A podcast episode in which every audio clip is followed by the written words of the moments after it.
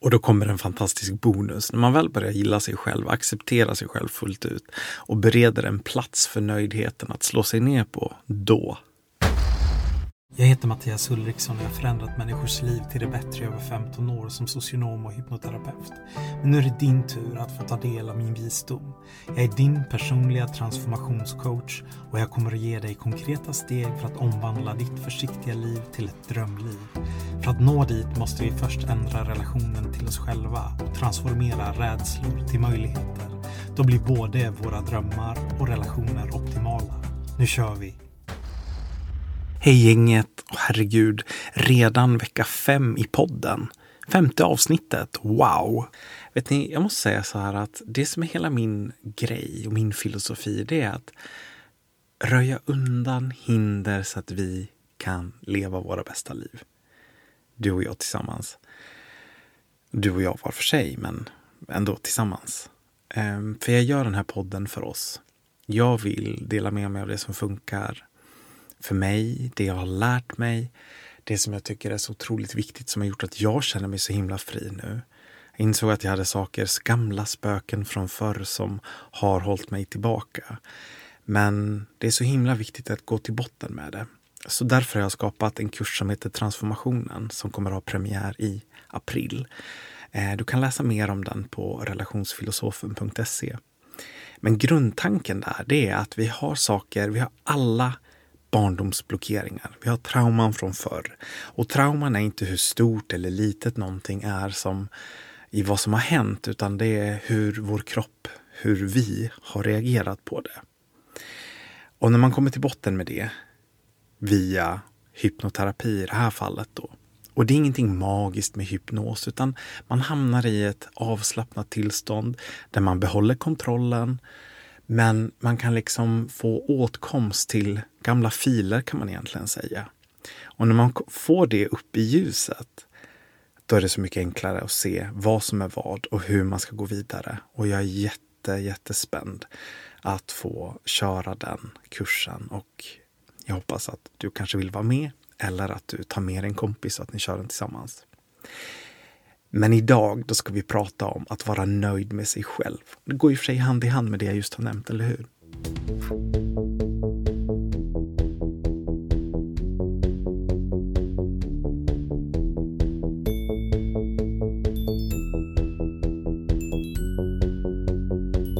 det finns en balansgång mellan att tycka om sig själv och bli ett slags pastisch på en människa som är nöjd.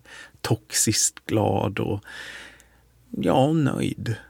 Och inget kan någonsin vara negativt.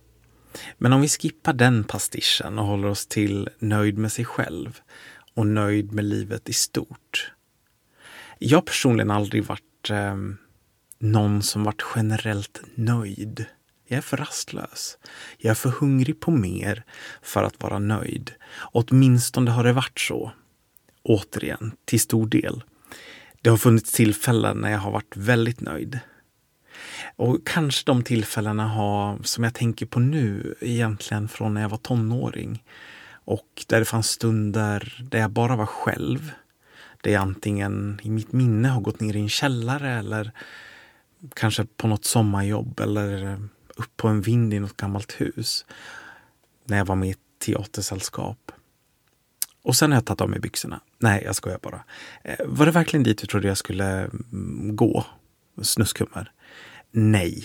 Jag har befunnit mig i en källare eller på vinden helt i mitt eget sällskap och bara känt mig så nöjd.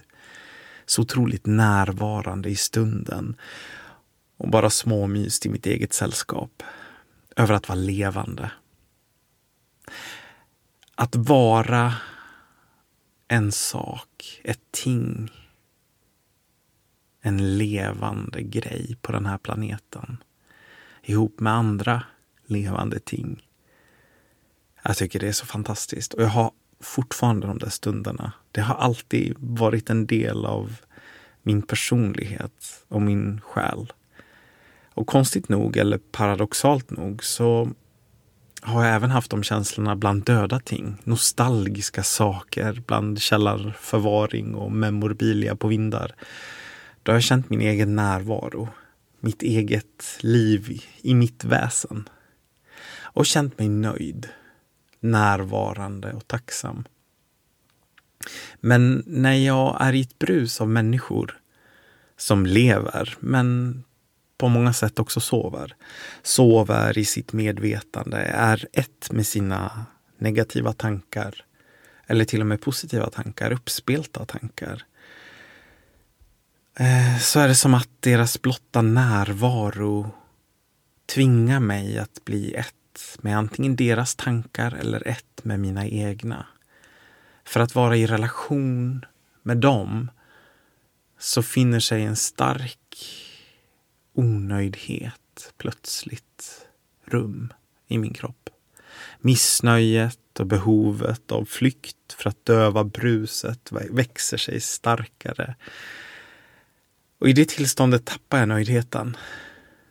Nöjdheten över mig själv, nöjdheten över livet. För när man är ett med tankarna så blir man så mycket mer kritisk mot vad man har varit innan och vad man ser.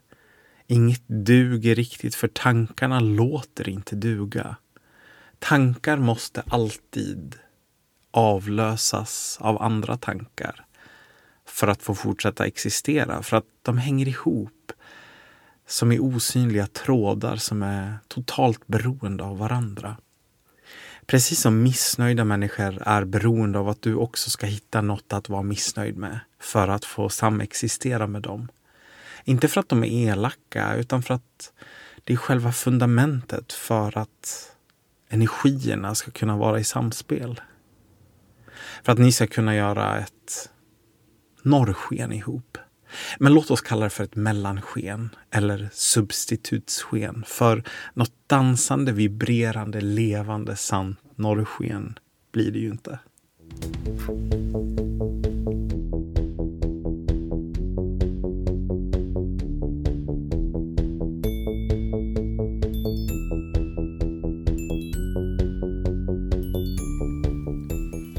Vad är själva idén med att vara nöjd med sig själv? Varför kan man inte bara gå runt och småhata sig lite som många gör lite till mans?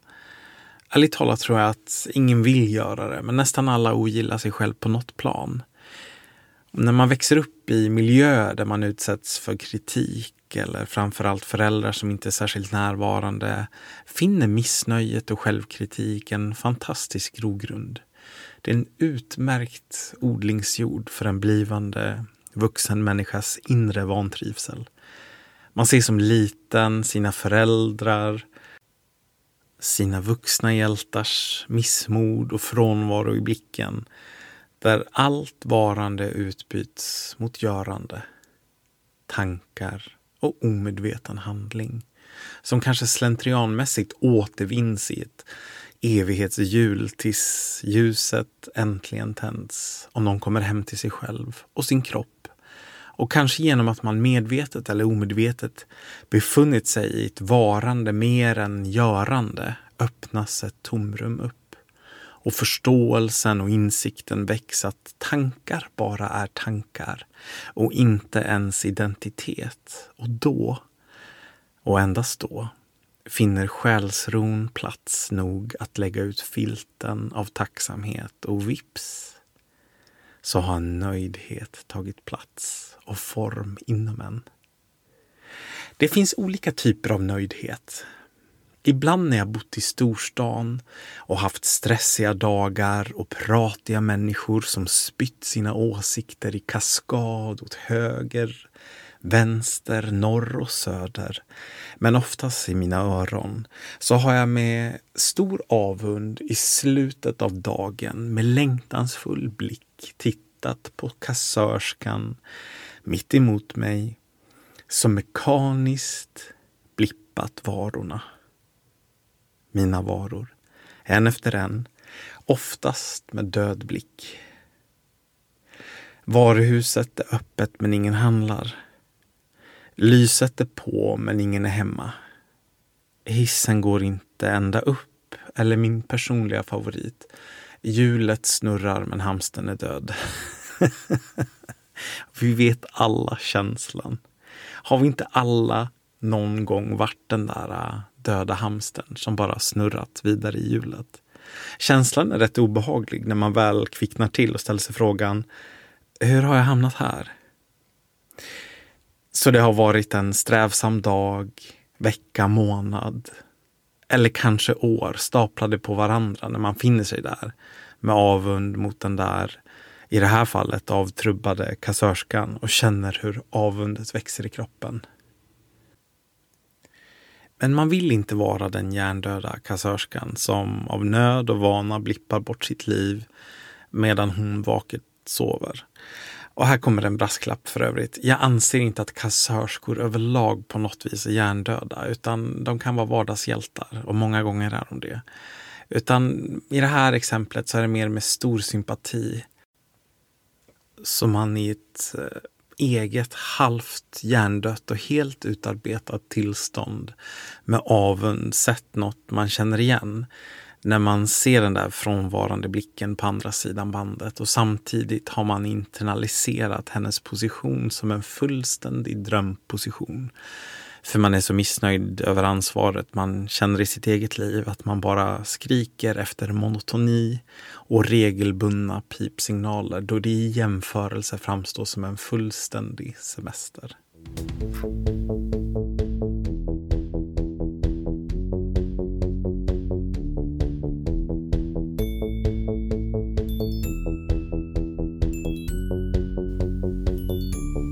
Men oavsett vad ditt personliga värv är så måste jag säga att jag beundrar nöjda människor. Jag har gjort det väldigt länge. Människor som kan gå till fabriken, komma hem, äta, sova, fisa, ibland knulla och sen börja om igen. Men alltid börja med TV4 och alltid sluta med TV4 i sängen. Jag kan känna avund i mitt huvud på de som är så nöjda. Men det är ett snällt avund. Jag missunnar dem inte, utan jag hejar på dem. Kör, njut, lev, på vilket sätt du än kan, så länge du är nöjd. Min egen nöjdhet har alltid behövt kvalificeras. Jag har alltid känt att jag måste uppnå vissa saker för att kunna känna mig nöjd. Jag måste träna för att få duscha. Jag måste jobba för att få vila. Jag måste... Ja, du förstår. Det fortsätter så. Det finns en luthersk skuld som kommer över mig om jag inte förtjänar min nöjdhet. Men sen har vi den personliga nöjdheten. Vi har pratat om de som varit nöjda med sina liv i stort, men den personliga nöjdheten kan vi sila ut som en egen kategori, så låt oss gå in på den. Högst upp på listan torde vi finna att acceptera sig själv, precis som man är. Det vill säga acceptera sig själv som man är på insidan och utsidan, i allt som vi inte styr över. Att ändra eller förändra. Och naturligtvis kan vi förändra vissa delar rent kirurgiskt.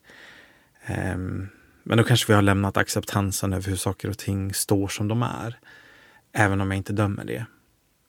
Så att acceptera sig själv som den person med det fysiska fordon vi har under färden och med vårt unika osynliga stoft som ryms både innanför och utanför kroppen. För jag är säker på att det går utanför vårt fysiska väsen att acceptera det. Här är jag. Jag är jag och jag duger. Smaka på den. Jag är jag och jag duger. Jag älskar det. Och jag älskar mig själv. Ta en större tugga och säg det. Säg efter mig. Jag älskar mig själv. Jag älskar mig själv och jag duger. Okej, okay, du gjorde det.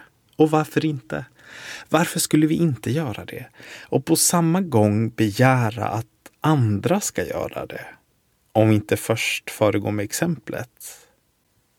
Det är som att bjuda in någon till sitt hus och be dem ta av sig skorna medan man själv behåller dem på. Okej, okay, så då har vi klargjort att det finns två olika men angränsande områden vi kan känna missnöje eller nöjdhet med. Vissa kan vara nöjda med livet i stort. Var de bor, var de jobbar, hur de lever. Med en balans av vila och jobb som de trivs med känner nöjdhet med. Men det kanske inte per automatik, bara för att de verkar så nöjda, också är nöjda med sig själva som personer. För där har vi den andra delen. Och vissa, som då ingår i den senare kategorin, kan känna sig mer nöjda med sig själva. men ständigt känna missnöje över vart de befinner sig yrkesmässigt eller till och med rent geografiskt. Undertecknad får nog salla sig till kategori 2. Så bli uppmärksam på vart ditt missnöje ligger så du kan göra de förändringar som krävs. Och en förändring som jag verkställer från och med nu är att jag tänker vara nöjd även när jag känner lätt missnöje. Eller snarare känna acceptans över att det finns saker jag vill uträtta, platser jag vill uppleva geografiskt och variation jag behöver uppleva för att känna mig komplett. Men allt det där behöver inte ske just nu. Utan jag kan faktiskt känna mig nöjd över att vara i en process. Och allt du längtar efter måste inte ske just nu.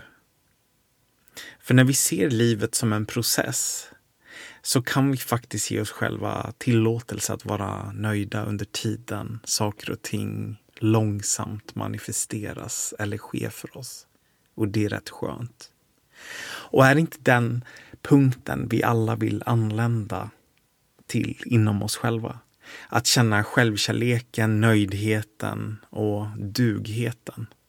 Jag tror jag just hittade på ett ord. För det finns inget självbelåtet med att göra det.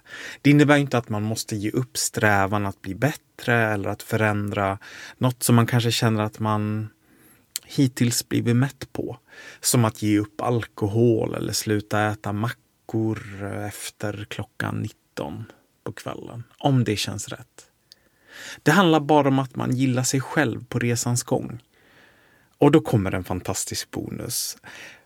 När man väl börjar gilla sig själv, acceptera sig själv fullt ut och bereder en plats för nöjdheten att slå sig ner på.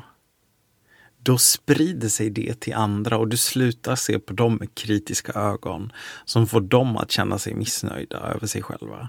Fantastiskt va? Att känna självkärlek eller nöjdhet innebär inte att man släpper strävan efter att bli bättre. Eller att man ger upp att förändra något man kanske vill förändra. Det handlar om att acceptera det vi inte kan förändra och låter det vara som det är. Det är viktigt att skilja på vad vi kan förändra och det vi inte kan förändra. Och på så vis lägger vi inte onödig energi på att klanka ner på oss i onödan.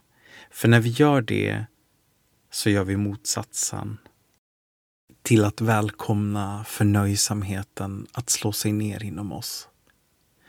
Så du kan lägga ner pålen nu och sluta kämpa mot dig själv. Sluta kämpa mot strömmen som alltid forsar mot motståndet du själv reser. Motståndet du reser mot dig själv är just de delarna som du och alla andra runt omkring skulle ha glädje av att du accepterade istället. För du kan ändå inte förändra det.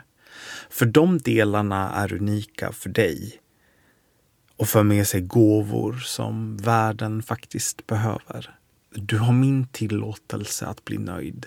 Nöjd med dig själv precis, med alla dina mänskliga tillkortakommanden och ge blanka tusan i att förändra det som inte går att ändra. Njut av det. Och av det du vill och kan ändra, som går att ändra, som beteenden, vanor och reaktivitet, ja men gör det. Men gör det med glädje. Testa att göra det med lätthet och med eh, ett slags nöjdhet under tiden. Det går så mycket lättare då.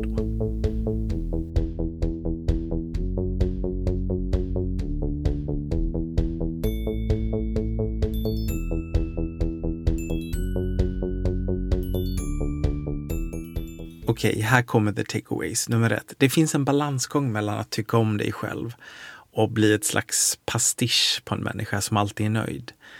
Något som kan liknas vid toxisk positivitet, vilket ingen mår bra av. Allra minst de toxiskt positiva. Men de är för toxiskt positiva för att märka det, tror jag. Nummer två.